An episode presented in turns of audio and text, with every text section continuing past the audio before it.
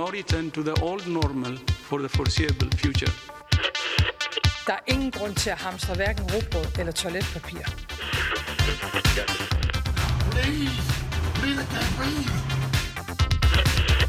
No politician in history has been treated worse. To use this beautiful game to actually change the world. Хотел бы еще раз поблагодарить всех, кто сделал свой ответственный выбор. We will succeed, and that success will belong to every one of us.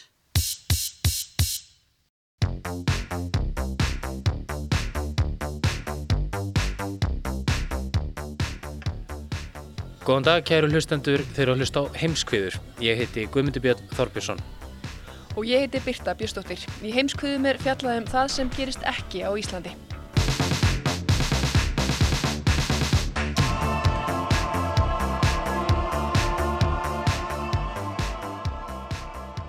Þetta er 59. þátturinn af heimskviðum og jafnframt síðasti þátturinn. Já, það er víst.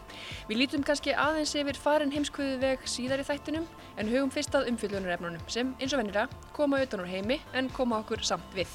Rétt við tölmum stærsta óta okkar allra stóra gagnarlegan hér á eftir. Þá ræðir Jóhannes Ólafsson við þá Brynjólf Borgar Jónsson og Þrösti Jónasson um hvort samfélagið fara á hliðina ef upplýsingar um hvað við gerum á internetinu leka út. En við byrjum í Ungverilandi. Það þótti heldur neyðalegt þegar ungverskur Evrópuþingmaður þurfti að segja af sér eftir að greint var frá því að hann hafi brotið sóttvarnareglur með því að sækja kynlífisparti með 20 öðrum kallmönnum í Brussel. Maður sem talin er höfundur stjórnarskrár sem takmarkar réttindi hins einn fólks. Þetta mál er hins vegar ein af byrtingamyndum slæmrar líðræðis þróunar í Ungverilandi. Ríkistjórnin hefur tekið til sín sífælt meiri völd og stjórnar nú meðal annars fjölmiðlum og dómskerfi. En hefur mál þingmannsins einhverjar afleðingar? Hallgrímur Indriðarsson skoðar það með Eiriki Bergmann, stjórnmálafræðingi og Sabolgs Panni, rannsóknarbladamenni í Ungarlandi. Föstudagskvöldið 27. november síðastliðin færi lögreglan í Brussel tilkynningu um mikinn háfaða úr íbúð við göduna Rútu Pér í hjarta borgarinnar. Og umkvartanirnar voru ekki aðeins háfaðinn, heldur að þarna væri verið að brjóta sóttvarnareglur, en þá voru tíu manna samkominntakmörk í gildi í borginni.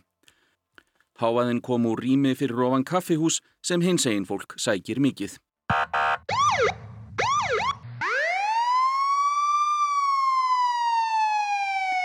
Þegar lauruglumennir komu á staðin voru þar, samkvæmt belgískum fjölmiðlum, um 20 manns.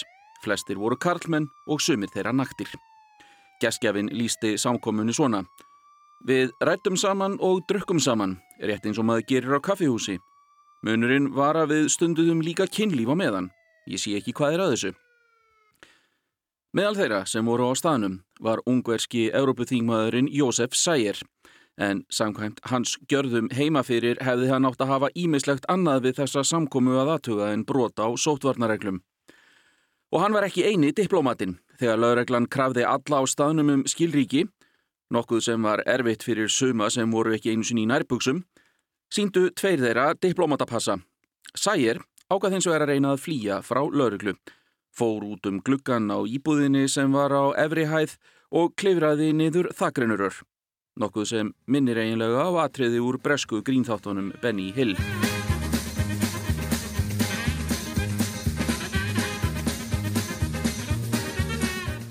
Vegfarandi létin sig að lauruglu vita og hann var hansamaður, alblóðugur á höndunum. Sæger gæti ekki framvísað neinum skilríkjum og í bakpoka hans fundust fíkniefni þar á meðal etabla. Honum var fyllt á hótelsitt þar sem hann geimdi diplomatapassan sinn og framvísaði honum. Þannig komst hann hjá handtöku. Lauruglan hefur síðan þá rannsakað Sæger vegna brota á bæði sóttvarnarlögum og fíkniefnalögum. Tveimur dögum eftir þetta saði Sæger af sér þingmennsku á Európuþinginu.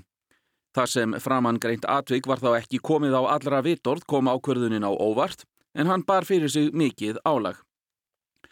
Þegar sagt var frá samkomunni í fjölmiðlum 1. desember sendi Sæger frá sér yfirlýsingu þar sem hann viður kendi að hafa verið á staðnum án þess að fara nánar út í atbyrðarásina. Hann baðst afsökunar á að hafa brotið reglur þingsins og saðist myndu taka afleðingunum af því en neitaði að hafa neitt fíknefna, saði að einhver hefði komið þeim fyrir í bakpoka hans. Flokkur hans, Fítesflokkurinn, helt daginn eftir neyðarfundum málið í fósættisraðunitinu. Öreget miniszterelnök helyettes úr, Szájer ügyhöz mit szól? Miért kéne nekem ez bármit szólni? Mennyire lesz nehéz ezek után az elkölcsösség és a normalitás megvédése mellett kampányolni? Hér er fréttamaður frá Telex, einum að fáum gaggrínum fjölmiðlum sem eru eftir í Ungarlandi. Komum betur að fjölmiðlaumhverfinu og eftir. Að spyrja Solt Semjen, varafósættisráð þeirra, hvað honum finnst um málið. Hann svarar heldur hrannalega, akkur ætti ég að hafa skoðun á því. Eftir þetta fekk lögreglan skipunum að girða ingangin af svo að ráþeirar kæmust inn í friði fyrir fjölmiðlum. Most eddig nem volt probléma, hogy itt álltunk és kérdeztük az érkező kormánytagokat. De az előbb ott álltunk, kérdeztünk. Semmi gond nem volt, nem inzultáltuk a kormányt. Hér heyrast orðaskipti fréttamannsins og lögreglunar á vettvangi. Fréttamaðurinn segir að enginn hafi áður gert aðtöðasemt við að þeir stæðu fyrir framann ingangin. Svara lögreglunar var, þetta er skipun. Það eina sem fjækst upp úr ráþurunum þarna var að Sægir hefði gert rétt með að segja af sér Evrópuþingmennsku. En eftir neyðarfundin var þann að gera meira, segja af sér þingmennsku og hætta í fítesfloknum sem hann tók sjálfur þátt í að stopna árið 1988. Þó að Sægir hafi sagt í yfirlýsingunni að yfirsjón hans væri af persónulegum toga og endur spekli ekki pólitíst samfélag heimalandsins, er þetta mál neyðarlegt fyrir fítesflokkin hans, sem hefur verið við völd í Ungarlandi frá árinu 2010. Flokkurinn hefur undanfærin ár hert tökin á ímsan hátt. En meðal þeirra sem hafa þurft að búa við takmörg réttindi er hinsegin fólk.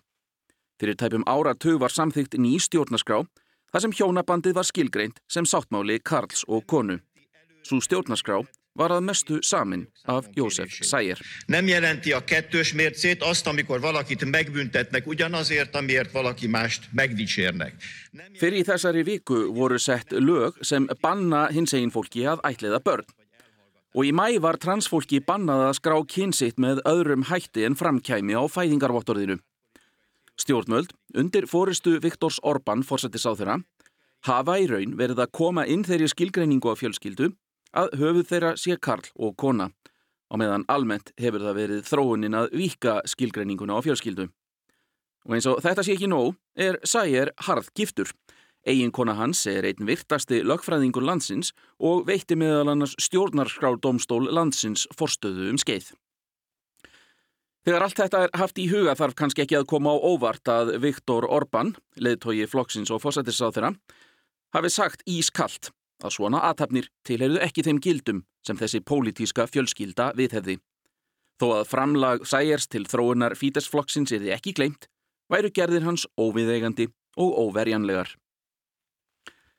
Þegar gestgjafinn í teitinu góða í Brussel talaði um það sem gerðist, gaggrindi hann framferði lauröklunar og spurði meðal annars hvernig þeir hefðu átt að sína skilríkið þegar ekki var spjör á kroppnum. Tekið skal fram að gaggríni á samkomuna hefur ekkert beinstað kynneið þeirra sem þar voru staðdir, heldur aðeins broti þeirra á sótvarnareglum. Yfirvöld í Ungarælandi hefðu, miða við upptalninguna hér á undan, gefið lítið fyrir gaggríni á þessa framkomu lauröklunar. Sabols Pani, rannsóknarlauruglumadur hjá Direkt 36 sem eru félagasamtök ungveskra rannsóknarbladamana sem starfa ekki í hagnaðaskinni, hefur fjallað mikið um ungvesk stjórnmál og spillingu innan þeirra. It's just so hypocritical um, considering how he conducted his own life uh, participating at these gay uh, orgies in, in, in Brussels while he was restricting and he was contributing to an anti-LGBTQ um, legislations in, in Hungary.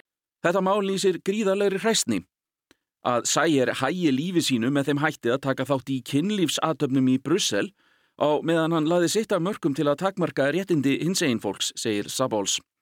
Hann segir að kynneið Sægers hafi í raun verið ofinbert leindarmál í Ungverjalandi sem auki hræstnina en frekar. You know, they pretend that they were shocked to suddenly see after 30 years that Mr. Sayer is, uh, is, is gay and participating at, at, gay, gay orgies.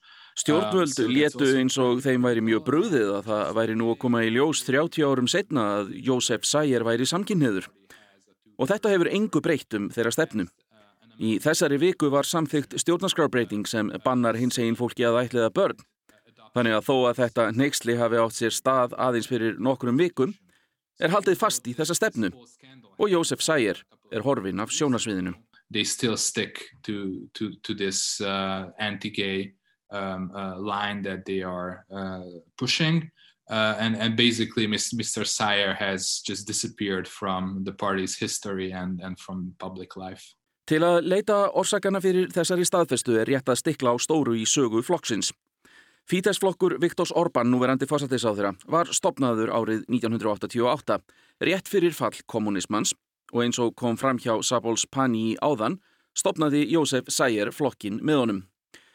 Eirikur Bergman Einarsson stjórnmálafræðingur segir að á þeim árum hafi væntingar vaknað í austantjálslöndunum um efnahagslega hagsæld á borði þá sem Vesturlönd nýtu. Þegar að þær væntingar í rauninni fara að bresta að þá fara margir uh, svona mörg stjórnmála öll í uh, þessum ríkjum, Rúslandi auðvitað, kannski alveg sérstaklega en líka í löndum eins og Ungverðarlandi og Pólandi að fikra sig sko frá hinnu Eh, svona frjálslinda evrópska líðræði, ef að svo maður segja, og í áttina að svona valdbóð sinnaðari afstöðu.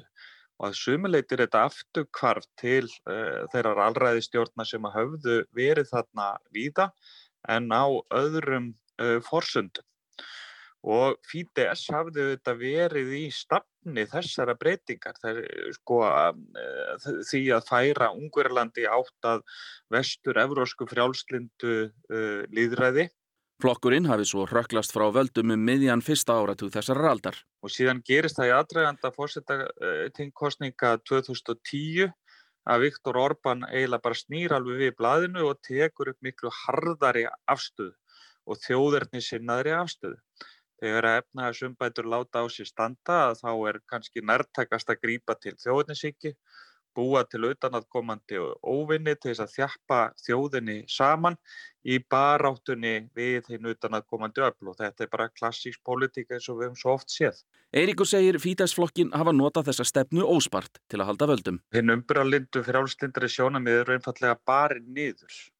Uh, Valbóðshyggjan er þannig að hún krefst uh, samstöðu allra og þeir sem að tala fyrir öðrum valkosti heldur en að uh, valbjóðstjórnin kýs að þeir eru útmálaðir sem svikarar, þjóðnýðingar og svo framins og þeir eru einfallega barðið niður. Og með því eru völd stjórnvalda aukin, ekki aðeins með stjórnarskrárbreytingum, heldur líka með því að ná beinum tökum á háskólum og dómskerfinu. Sapols Pani segir ungverska þingið í raun ekki sjálfstætt gagvart stjórnvöldum. Uh, those people are just pressing whatever button they are ordered to, to press so it's really just, really just very formal that uh, uh, they are there. Þingmenninir íta bara á þá takka sem þeim er sagt að íta á og hafa í raun bara þann formlega tilgangað stimpla ákvarðanir Viktors Orbán. Þeir hafa líka gert þetta í geira sem Pani þekkir vel fjölmiðlum. Hann starfaði áður sem bladamaður á Index, sjálfstæðum miðli sem var lagður nýður eftir rittstjóraskipti þar í sumar. Bladamenn þar töldu það aðför að sjálfstæði sínu og hættu. Sapols hafði reyndar hætt störfum þar tveimur árum áður en það gerðist. So right after Viktor Orbán came to power in 2010, uh, the government basically transformed uh, public media into uh, basically a state-controlled, very Soviet-style propaganda outlet. Um leið og Viktor Orbán komst til valda var ríkisfjölmiðlunum breytt í áróðusvél í anda gömlu Sovjetríkjana sem ríkið stjórnaði að vild. Síðan voru sett ný fjölmiðlalög þar sem sérstök stopnun var sett á laggirnar sem útlutar útsendingarleifum fyrir útvarp og sjónvarp. Ríkistjórnin setur sitt fólk þar inn. Þá höfum við síðustu 7-8 árin séð að sjálfstæðir fjölmiðlar hafa runnið inn í samsteipu sem stjórnvöld ráða. Uh, these outlets were, were gradually uh, bought up by, by businessmen close to the governing party. Uh, Sabols segir að áður en fjölmiðlarnir fóru í þessa samsteipu hafi fjárfestar hlýðhóllir stjórnvöldum keift miðlana. Þeir voru margir hverjir þegar í rekstrarerfileikum vegna breyts umhverfis þar sem Facebook og Google hafa tekið til sín mikið af auglýsingatekjum. Þessi fjárfestar gáfu svo stjórnvöldum fjölmiðlana. Sabols segir að nú séu aðeins örfáir sjálfstæðir veðmiðlar starfandi og ein sjálfstæð sjónvarstöð, Telex sem við heyrðum í áðan. But, but the problem is that the, the biggest advertiser in Hungary is the state. Uh, it's the government, it's the state-owned companies, the lottery uh, company or the energy companies. Vandamál þeirra er hins vegar að ríkið er stæsti auglísandin. Stjórnvöld með beinum hætti, ríkisreikin fyrirtæki á borð við hattrættið orkufyrirtæki og þess áttar. Þau auglísa aðeins í fjölmiðlum sem eru hliðhóll stjórnvöldum sem skapar markaðshalla og það gerir rekstraskilirði þeirra óháðu, afar erfið.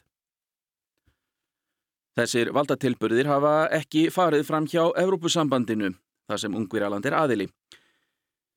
Sambandið hefur reglulega ámynd Ungverja fyrir að fara ekki eftir reglum sambandsins. Árið 2018 saði Evrópusambandið að Ungverjar hefðu brotið reglur við uppbyggingu á gödulýsingu sem var að hluta fjármögnuð af sambandinu. Forstjóri eins fyrirtækjana sem tók þátt í því verkefni er tengdasonur Viktors Orban fósættisáþyra og því augljós hagsmuna áreikstur þar. Þá var Viktor Orban veitt heimild í vor tímabundið til að setja lög fram hjá þinginu undir því yfirskinni að geta brúðist hratt við COVID-19 faraldreinum, nokkuð sem Európusambandið gerði líka aðtöðasemtir við. Sambandið virðist þó ekki ætlað að beita refsiaðgerðum vegna þessa. Eiríkur Bergman segir þetta sína veikleika Európusambandsins. Það hafi mjög takmarkað agavald gagvart ríkjum og brottrekstur er það stór aðgerð að menn veigri sér við slíku. Evrópussambandi hefur bara haft uh, svo mikið á sinni könnu að það hefur ekki verið pláss fyrir fleiri mál og núna eru tvö risavaksi vandamál uppi. Það er annars verið að takast á við þessa koronaveiru krísu og svo að klára útgöngu uh, Bredlas og samninga þar að lútandi. Og þá er einfallega ekki á það bætandi að takast á við svona uh, bóðstilburði í Ungverðarlandi og Pólandi. Og rauninni var það þannig að að eh, Ungverland og Póland heldu fjárhagsáallun Európusambassins í gíslingu. Og það þurfti einfallega að uh, líta fram hjá þeirra brotum til þess að fá þau til þess að, að samþykja uh, fjárlögin svo Európusambandi gæti tekist á við koronaviru krísuna þannig að þetta eru svona bara alveg gríðarlega flókið einstí sem að leðtóar bandalagsins eru að, að stíga En það er ekki aðeins hins einn fólk sem verður fyrir barðinu á stefnu stjórnvalda. Hún hefur líka reikið harða innflytjandastefnu. Hún kemur sennilega hverki betur fram en í viðbröðum Viktors Orban eftir árásina á skrifstofur Charlie Hebdo í París árið 2015. Það sem hann sagði innflytjandur bera ábyrð á árásinni. Við munum aldrei láta Ungverjaland verða skotmark innflytjanda. Við viljum ekki sjá stóra minnihlutahópa með annan bakgrunn og menningu meðal okkar. Við viljum að Ungverjaland sé áfram Ungverjaland, sagði Orban. Sama ár hófst ströymur flóttamanna frá Sýrlandi og fleiri löndum til Evrópu. Orban sagði þetta fólk ekki verið að flýja stríðsátök í heimalandi sínu. Heldur kæmi það aðeins til Evrópu í leitað betra lífi.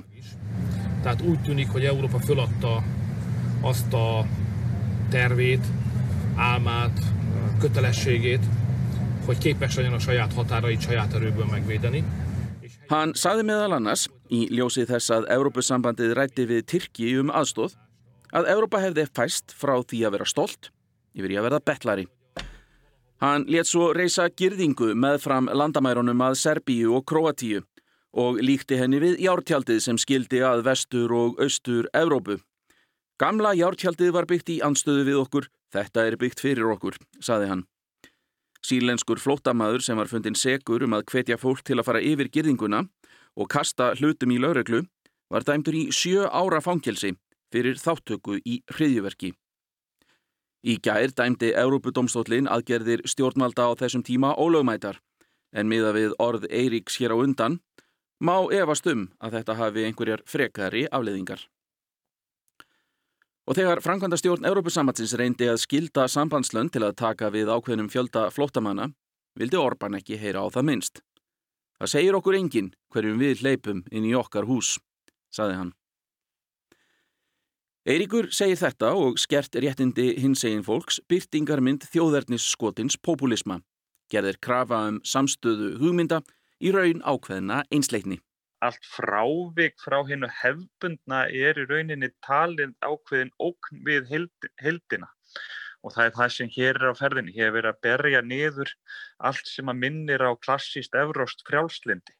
eins og til að mynda uh, umbyrðalindi hvað varðar kynneigð og kynhegðun og svo framvegis sem er þarna borin einhver undir einhvers konar, barinn undir einhvers konar hugmyndum um, um kristna ungverska uh, þjóð sem að marsirar uh, í takt og frávíkin eru ekki umborin. Sabols tekur undir að stjórnvöld vilji útmála sjálf sig sem verndara kristina gilda gegn hins egin fólki og innflytjandum.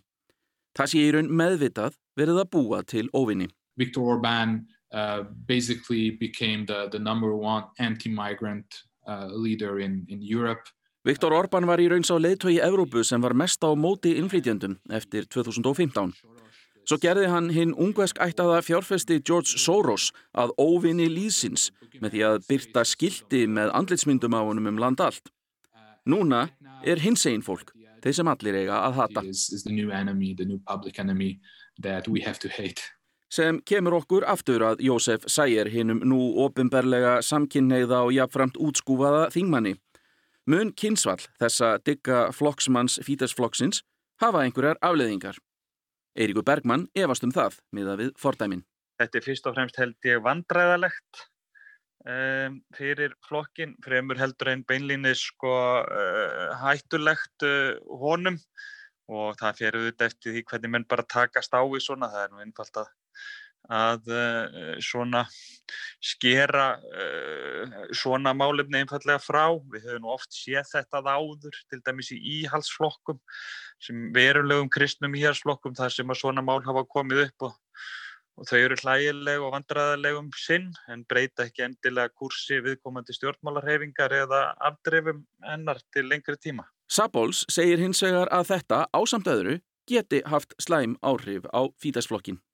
My opinion is that yes, this this scandal is having a serious effect, but it's very hard to tell from the polls because what we've seen now is that Hungary is uh, facing um, an economic crisis that's even bigger. Það er erfitt að merkja þetta á konunum því að Ungverjaland stendur nú frammi fyrir efnagskreppu sem er verri en fjármálakreppan fyrir rúmum áratug. Því hafa vinsældir ríkistjórnar Orbáns farið minkandi. Þar að auki stefnir stjórnarandstaða nú að sameinlegu frambóði bæði til sveitastjórna og þings, en hún var mjög ósamstæði fyrir kostningum. Hún muni því sameinast um eitt fósættisráðherra efni í næstu þingkostningum sem verði vorið 2022. Það er því spennandi kostningabaróta framöndan. Next, next fall, next September, next August we'll have uh, uh, we'll have a pretty, pretty interesting election campaign starting.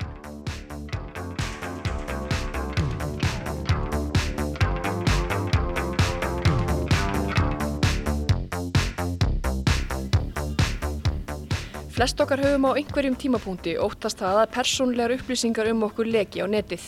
Að í það minnst að leitt hugan að því. Almenni netnótendur vita þó sjálfnast hvar þessar upplýsingar þeirra eru í raun niður komnar eru þar grafnar í eitthvað gagnaver eða svífandum í skíinu. Þegar uppkoma vandraði hjá tæknirísum á borðu Facebook og Google sem varða gagnauriki naga margi neklurnar og spurja sig hvort nú sé komið að stóra gagnarleikanum. Hvort núna loksins verði held úr stóra upplýsingapottinu. Það urði einmitt beilanir í þjónustum þessara fyrirtækja, Facebook og Google, nú á dögunum með stuttu millibili. Áhyggjur af stóra leikanum eru eflust óþarfar allavega í bili, en hann vofir alltaf yfir og hvað gerist þá veit engin fyrir samfélagi á hliðina eða verða hreinlega ný síðaskipti meðal manna. Jóhannes Ólafsson tekur nú við.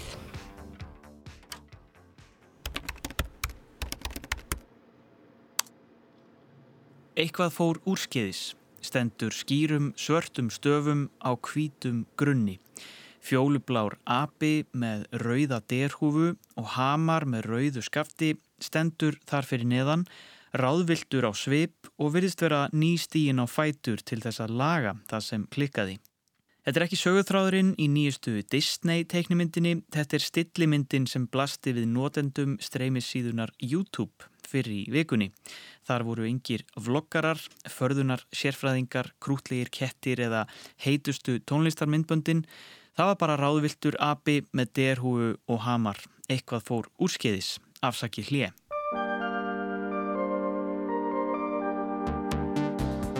Já, eitthvað fór sannlega úrskeiðis hjá YouTube þennan mánudags morgun 14. desember. Óþólinnmóðir notendur hafa eflaust bröðist ítla við og endur hlaðið síðunni ítrekkað og ég vel barið í liklaborðið. En það er áhorfið á þessari stærstu myndbandasíðu heims gríðalegt. YouTube er í eigu netrisans Google sem virtist stríða við bilun í kerfum sínum þennan dag. Ímsar síður og þjónustur tæknirisans lágu niðri. Aug YouTube var bilun í postþjónustunni Gmail Google Maps, Google Drive og Google Suite.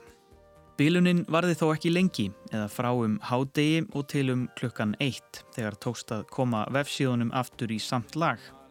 Örfáum dögum áður, 10. desember, hafði annað stort tæknifyrirtæki, Facebook, verið í vandræðum með skilabóða þjónustu sína, Facebook Messenger. Forritið lág niðri víða og lengi vel var kvorki hægt að senda nýja taka á móti skilabóðum. Það átti aðalega við um lönd í Evrópu, í Breitlandi, hér á Íslandi, Fraklandi, Belgíu og Pólandi en tegði sig einnig víðar til Filipsæja og Ástralíu. Þetta hefur mikil áhrif, virkir notendur á Facebook eru um 2,7 miljardar og í hverju mánuði eru send um 20 miljardar skilabóða millir notenda á Messenger. Það að bilun verði í svo stórum fyrirtækjum ætti kannski ekki að koma á óvart með að hvað. En Google og Facebook eru með þeim allra stærstu og það að bilanir eins og hér var líst hafi orðið með nokkura daga millibili vekur spurningar um netöryggi.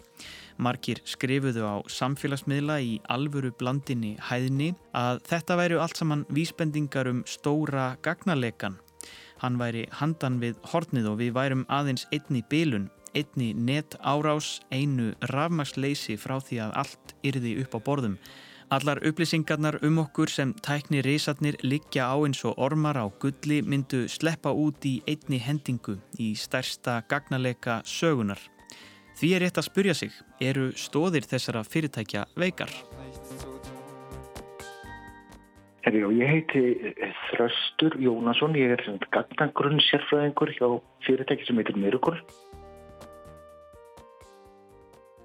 Sko það er svolítið skemmtilegt að skoða þetta til munur á tilkynningunum uh, frá Facebook annarsvegar og Google hinsvegar, hvernig þeir hérna, skilgrina og segja frá þessum bilunum. Eh, það er annars vegar náttúrulega Facebook er rekandi í sín eigin kerfi og er ekki að selja, veist, þeir, þeir eru náttúrulega bara að raun og vera að selja Facebook þannig að tilkynningin sem Facebook gefur út sem sé að er svona lítil tilkynning á eh, síðunni fyrir það sem er að þróa hjá Facebook sem segir bara það var bílun við það að byrta hérna skilabóð sem að fólk svaraði með kvilpgri plæmöguleikanum og, og, og við lögum þetta. Uh, hjá Google sem að hérna að því að Google selur líka aðgang að þjónustinu sínum þar er að þú getur keft aðgang til þess að keira kerfin þín inn og kerfinu hjá Google þá voru þeir með svona ítalegri skýring og þeirra skýring var sem sagt svo að, að það kláraðist e, diskpláss eða að kvóti sem er settur og hversu mikið, mikið pláss má nota til þess að geima upplýsingar þegar fólk er að lokka sig inn í kerfin þeirra og þegar að þar með var hægt að skrifa niður þegar fólk var að skrá sig inn í kerfi og það með hætti auðkynning að virka inn til Google og þess vegna fór allt á kvól. Og þá, þá er nú að því að þegar innskáningja þjónustun hjá Google brotnar, þá brotnar innskáningin á kerfin hjá Google, inn á YouTube sem Google eiga, mm. en líka inn á önnur kerfi sem að nota Google sem auðkynningu, eins og dæmis uh, spjallkerfi sem heitir Slack sem er mikið notað í, í hjá fyrirtækjum, svona svipað Microsoft Teams eða álíka kerfi. Þannig að í rauninni svona bílanir af þessum toga er í rauninni bara mætti segja daglegt brauð eða svona reglulegur viðburður? Svona, svona er mjög reglulegur viðburður. Í dag er, er, er til og með Spotify búið að vera bílað og ekki, ekki virkað í hérna, það var kannski ekki jafn ekki talað um það vegna þess að það er, er minna áberandi en, en hérna Amazon er í dag, hefur sko starra hlutfall að veldu Amazon í dag kemur að því að selja þjónustur í, í hérna tölviskíi mm. heldur en að bóksölu, bara smásölu. Er að segja Amazon byggði upp kerfi sem var, var, var reði við það að taka stóru álagspunta ársins, eins og sölu fyrir jól geta þólað álægi sem verður á þessum álagspunktum og byrjuðu svo að selja aðgangin og kerfið til þess að bara hérna, rétta þetta fjárfestinguna því að restina af árinu voru, var var kerfið er ekki notað svona mikið og smá saman hefur þetta orðað því sem er kallað Amazon Web Services, AWS og sem er orðið stærsta kom, hérna, computing plattform í heiminum í dag og í november verður bílun í AWS sem er gerað verkum að fullt fullt af þjónustum hægt að virka sem fólk kannski tekur ekki eftir eða gerir sér ekki grein fyrir þessi bílun í skíinu eða bílun í þjónusturof sem að ræðst af einhverjum, einhverjum starri bílunum sem verða. Þannig að til þess, hérna, riksuðan mín heima riksuði ekki nokkra daga því hún gæti ekki skráð sig inn á, á, á hérna, skíðafjónustuna sem segir henni hvernig hann er að fara í gang. Veraldarvefurinn er einn byltingar kendasta uppfinning mannkynnssögunar og svo tækni er bæði gömul og ný. Hanna má í raun rekja aftur til miðrar síðustu aldar en internetið er nýtt um leið því það hefur aðeins í skamman tíma verið til personulegra nota. Netið byggist á tengslum og upplýsingum. Þar er að finna gögnum allt og ekkert og það sem við skoðum, flettum upp, hlöðum inn, varðveitum og vistum sapnast upp. Við skiljum eftir okkur spór, bröðmilsnu slóð sem segir ímislegt um það hver við erum og gerfigreind raðar þeim upp í röggrétta banka sem stórfyrirtæki hafa mikinn hag af. Ég heiti Brynjólfur Borgar Jónsson og er stopnandi fyrirtæki sem heitir Datalab Ísland.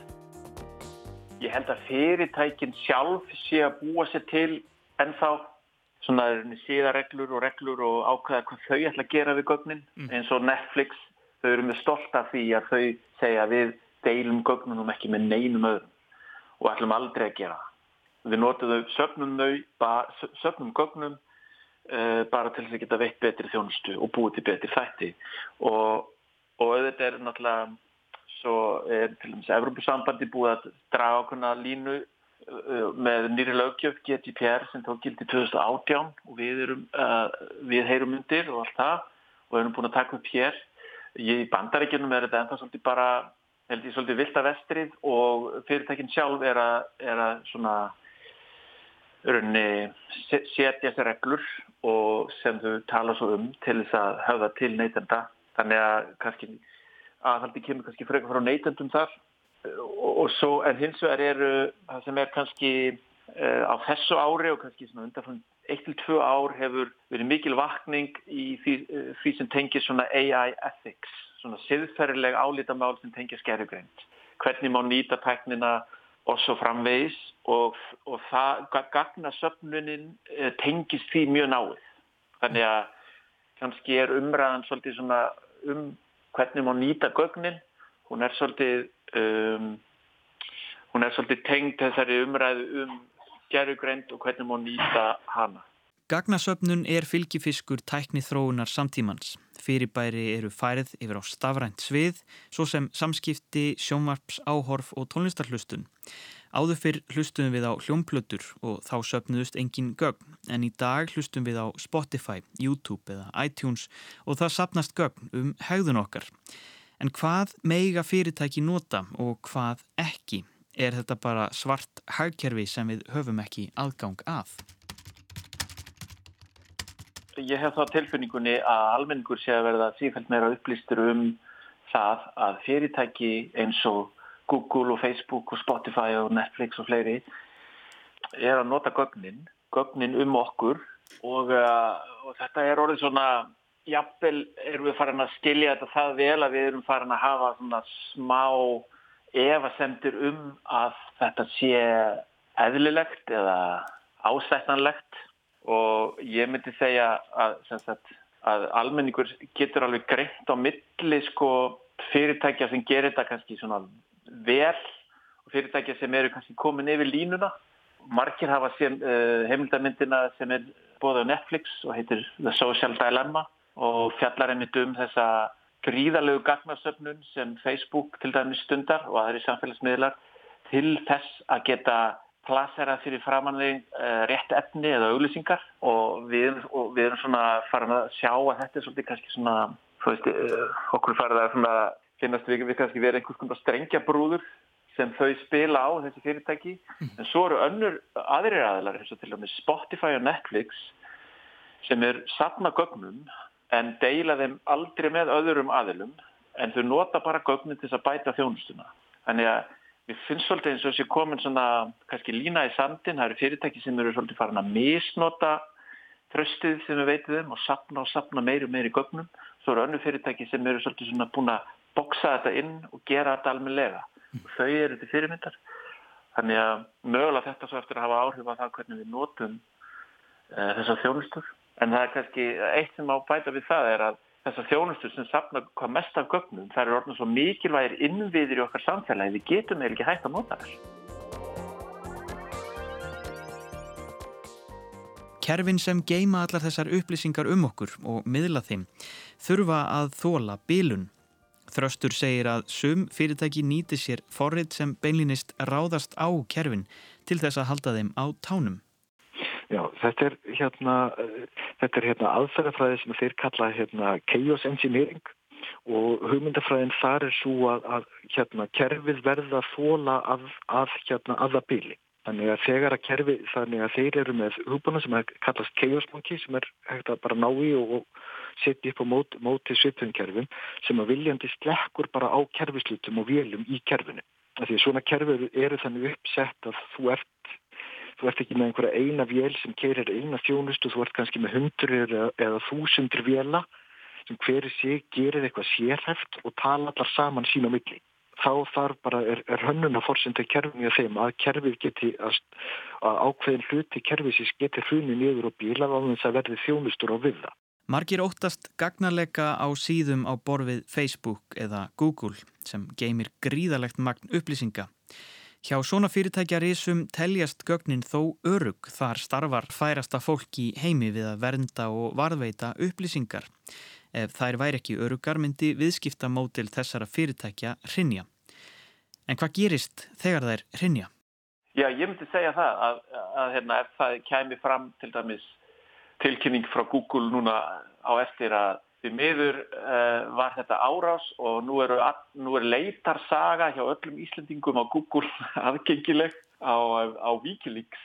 Ég held að það myndi fari, fara svona hrollur um samfélagið. Maður kannski huggar sér við það að ef þetta kæmi fyrir þá væri Google búið að vera. Þa, það er sem sagt þannig og þau hjá Google vita það vantarlega að þessar upplýsingar læki út þá það myndi engin treysta fyrirtækinu fram við myndum hætta að leita á Google. Þeirra hagur að þetta myndi aldrei gerast en þetta getur örgulega gerst. Já, það er möguleg ekki fyrir hendi á svona stórum leika þegar við erum búin að, að færa svona rosalega mikil af upplýsingum um okkur sjálf á fáar hendur. Að því að víst, okkar upplýsingar eru ekki lítið undan þannig að mjög mikið upplýsingum okkur kemst af Facebook, af Google og sá möguleik er náttúrulega fyrir hendi að verði stór gagnleiki og einhver finni bara hérna allar upplýsingar um þig eða, eða alla aðra og, og mókiðum út á internetið og bara ótti fyrir þær. En þessi, þessi, þessi möguleik er til staðar og það er að leka ótrúlegt magna af upplýsingum.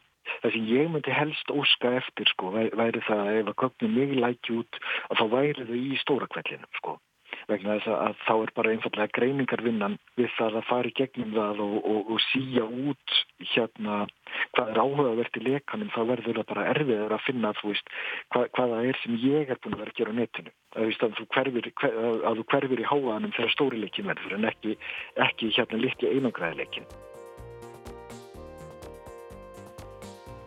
Já, stóri gagnaleikin ég, ég hérna kannski væri það bara frelsandi. Það myndi frels okkur frá sko eftirlits kapitalismanum ef, ef, ef gögnin læki bara út mm. og við værum öll kæmum öll fram nakin. Og, og, og eftir kvellin þá hefði enginn eitt að fela og, og hérna þetta eru kannski bara svona ég veit ekki, það væri mjög áhugavert að taka það lengra í einhverju skáldsögu eða, eða, eða hérna svona einhverju vísinda, vísinda skáldsögu trilli það að einhver einn þjónusta hérna bíl einhver staðar þá er, er mjög góður brandari að, að hérna hafa áhyggjur að því að þeirra messenger bílar að hérna nú er allt rugglið því að senda vinið mín að fara að leika út á interneti er fínasti brandari en, en það er sennilega ekki það sem er að gerast ekki þeirra þjónustan bílar einu sinni sko. En, en það er bara hérna það er, er, er alltaf, allt, alltaf góð hugsun að hafa varan á og, og hérna og muna það að allt sem þú gerir á, á hérna, allt sem þú gerir í tölvunniðinni heim í stofu eftir hún að vera að gera þú veist, úti á götu í dagspiltu Ef til vill erum við á Bjargbrúninni, einni kerfisbilun frá stóra leganum. En mögulega gæti það einfallega orðið til góðs. Það gæti hreinsað til í samfélaginu. Jafnvel að stór gagnalegi bóði ný síðaskipti í okkar sítengda heimi.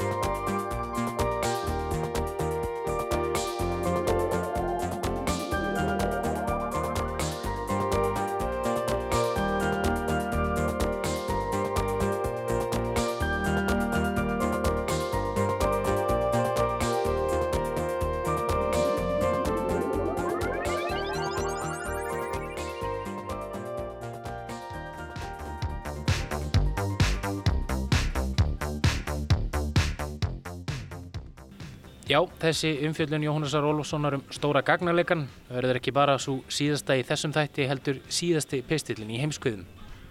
Já, því eins og við nefndum hér í upphafi er þetta loka þátturinn okkar. Við hefðum að sjálfsögðu gerna vilja að halda áfram að flytja ykkur sögur út á heimi en þegar harnar í ári þá verður eitthvað undan að láta. Já, það er víst. Við fórum af stað fyrir okkur langaði gerðan að vinna við og bjóða upp og frettaskýringar utan á heimi. Það er búið að vera ótrúlega gaman. Við erum mjög þakklátt öllu fólkinu sem lagði orði í belg og hönd á pló til að koma þessum þætti út vikulega í hálft annað ár. Og það er ekki það eina sem við erum þakklátt fyrir, er það nokkuð byrta? Nei, og án þess að þetta er að hljóma eins og ykkur óskarsvelna ræða, þá erum við alveg óendarlega þakklátt öllum hlustendum okkar. Ykkur sem hlustuð, senduð okkur posta og skilabóð og gáðu ykkur tíma til að heyra það sem við vorum að búa til. Fyrir ykkur var þátturinn gerður. Viðtökur þáttarins hafa einmitt verið frábærar og þannig rættist það sem við vonuðum að Íslandingum er ekki sama um umheiminn. Á litlu landi norður í Ballarhafi er einangrunnin aldrei langt undan. Heimst er heimalið Bard, segir Fornt Spagmæli. Í því fælst engin hróki heldur áreittir það aðeins það að til þess að þekkja sjálfan sig þarf að líta í kringum sig. Svo sem ekki reynir að skilja heiminn í kringum sig á þá hættu að gera fordóm á þröngsíni að sínum vildarvinum. Einmitt, og þess vegna vitum við að þið hlustendi góðir haldið áfram að leita erlendra frétta þó heimskvöður hafið sungið sinn svanasöng. En við þökkum þeim sem hlýtum. Já, er það ekki bara það sem við gerum að lókum? Þökkum þeim sem hlýtu.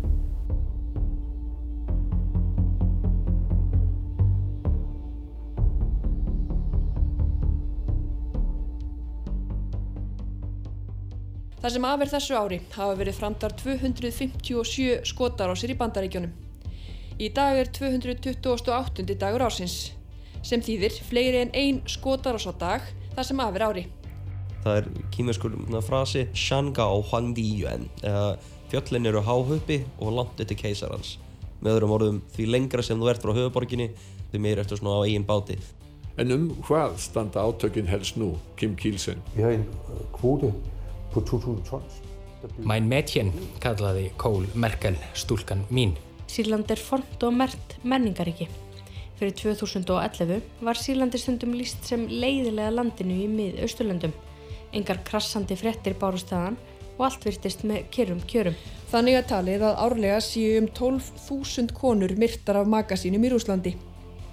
Ef við deilum þessum fjölda niður á daga ársins er rúsnesk kona myrt á um 40 mínútna fresti allan ársins ring. Maður getur lesið sko endalust af bókum og greinum um þessar deilur fyrir botniði meðurhafs en til þess að botna í þeim tilfinningum og skoðunum sem liggja til grundvallar þá þarf maður eiginlega að keira í gegnum þessar eftirlitstöðar á vestubakkanum þar sem að varturnar og háir múrar svo, svolítið drotna yfir landslæginum. Og það er stundum bara alveg hrein unun að horfa á hann þegar, þegar hann er að skamma þingmenn sko. Mr. Smith, calm yourself, man. Calm yourself. Take notice of the man beside you.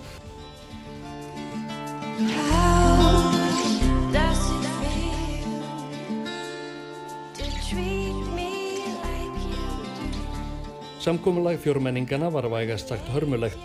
Það kom George Martin því á óvart þegar Paul McCartney ringdi í jannum miðjan april 69 og spurði hvort hann væri til í að stýra gerð einnar bílaplötu í viðbót. Skóareldar í Amazona völdum eldinga eru bísna algengir á þurkatímanum sem stendur frá júli og fram í oktober. Þessir eldar sem nú geisa byrjuðu hins vegar töluvert fyrir þurkatíman Tíðni sjálfsvíga er hvergi herri í öllum heiminum en á Grænlandi. 45 grænlendingar stýttu sér aldur á síðasta ári. Eins og svo oft áður í ríkjum þar sem almenningur gerir uppreist gegn hernaðlegum einræðisherrum var það herin sem tók stjórnina. Býtunum við, er ríkistjórnin að borga fólki fyrir að vera með áróður á Twitter? Já, Júlia er í það minnst ekki svo eina sem fullirti það við okkur.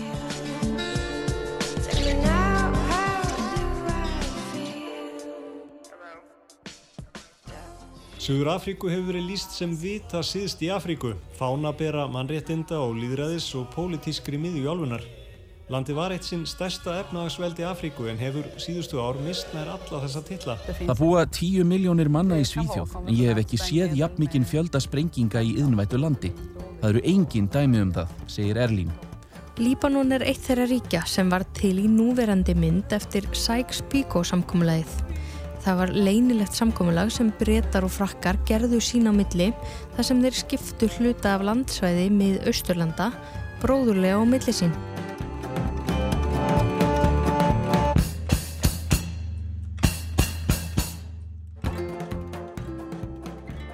Það er erðakrísa innan keisarafjölskyldunar í Japan, eina keisaraveldis heims. Gróður og skóareldar loga víða um Ástralíu en hafa leikið austurströndina grátt, sérstaklega nýja söður veils. Bandarískir sérsveita menn rundustinn á heimilið Bin Ladens tóku hann og fjölskyldu hans af lífi, sögðu Geronimo Forgotten Country, fluguburt og vörpuðu líkinu í sjó. Bara síð svona. Galizia var myrt 16. oktober 2017.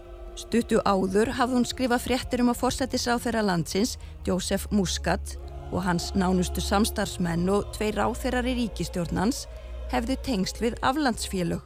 Í áslokk 2020 þá fara brettar út, ef hann stendur við það, og, og þá fara þeir hugsanlega samningslausir vegna þess að tíminn sem þeir hafa frá útgöngunni 31. janúar og fram til áramóta er mjög stuttur.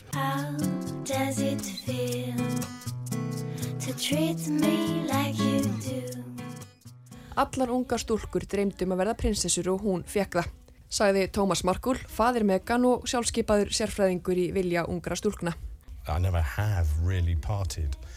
Um, uh, I was single for quite a long time. Sem sagt, jújú, jú, hann var einhleipur og allt það um tíma en aldrei mikill partíkall. Við á Íslandi þá eru stjórnaranstæðingar fólki í, í flokkunum sem mynda minni hluta á alþingi. Þetta er allt öðru sér Úslandi, þannig er þetta fólk sem fær ekki eins svona bjóða sér fram. Morðið á Ólof Palme hefur leigið eins og mara á sænsku þjóðinni í 34 ár. Allt hóst þetta á kvöldu februarkvöldi í miðborg Stokkólms. Tölfræðin segir okkur að á 15 sekundna fresti sé stúlka limlest á kynfærum sínum einhverstaðar í heiminum. Árásinn er næst mannskeiðasta hriðverka árás á vestur kveli jarðar en aðeins árásinn á tvíburaturnana 2001 var mannskeiðari. Hver er sænska sérleiðin? Hvað er það sem svíjar hafi verið að gera öðruvísi en flest önnur lönd í baróttunum við COVID-faraldurinn? Og af hverju hefur Svíþjóð valið að feta sína eigin leið? Og hvernig hefur það gengið? Samkvæmt skýrslu matvælastofnunar saminuðu þjóðana sem kom út í síðustu vikum ganga rífilega 820 miljónir manna hungraðar til kvílu á hverju kvöldi og 135 miljónir í 55 löndum eru beinlínis við hungurmörk.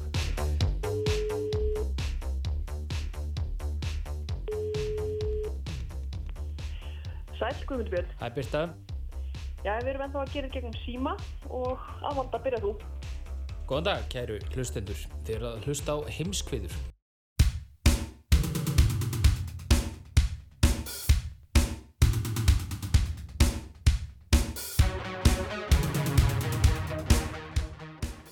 Barcelona er eitt sigursælasta og þekktasta íþróttafélag sögunar, meira en bara íþróttafélag eins og segir í slagorðið þess.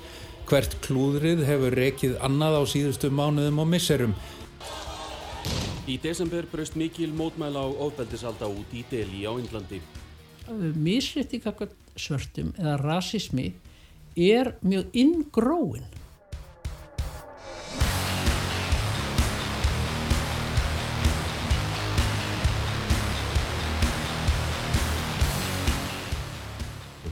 stóra vandamálið er þessi e, stóri hópur fólks sem einhvern veginn horfir á heiminn í gegnum þessi kynþáttagleru og það er, svo, það er svo erfitt að taka þessi gleru af. Alrikislauruglan FBI tilkynnti að hún hefði handtekið 13 manns, þar af 6 sem voru ákerðir fyrir að hafa lagt á ráðin um að ræna ríkistjórunum í Michigan. Miljónum minga þar í landi hefur verið lóað eftir tilskipun frá stjórnvöldum um að fella ætti allan mingastopp landsins. Orðið Johatsu í japansku þýðir einfallega að gufa upp eins og vatn.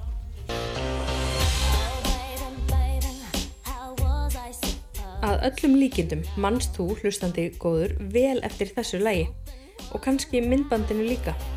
Þar er Britney Spears ekki orðin 17 ára, dansandi um á skólagangi í skólastúlku búningi með tvær flettur og bleikar slöfur í hárinu.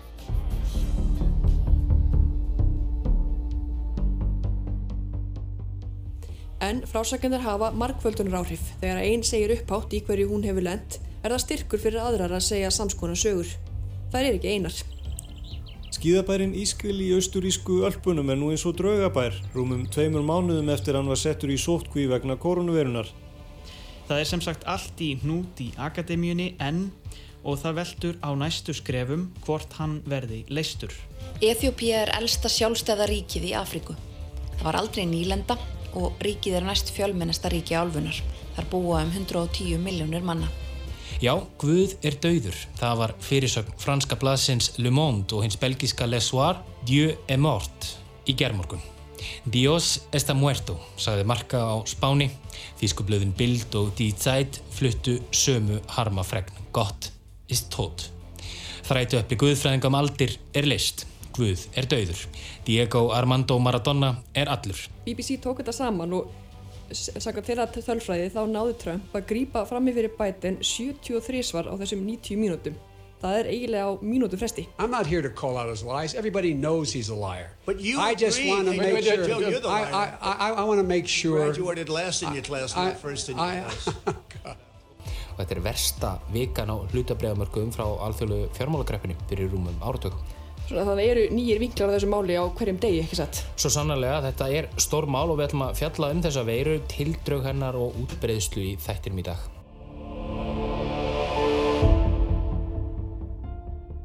Fleiri en 80.000 manns hafa síkstafinni og tæplega 3.000 láti lífið af völdum veirunar. En er heimsfaraldur í vændum eða er COVID-19 stormur í vasklasi?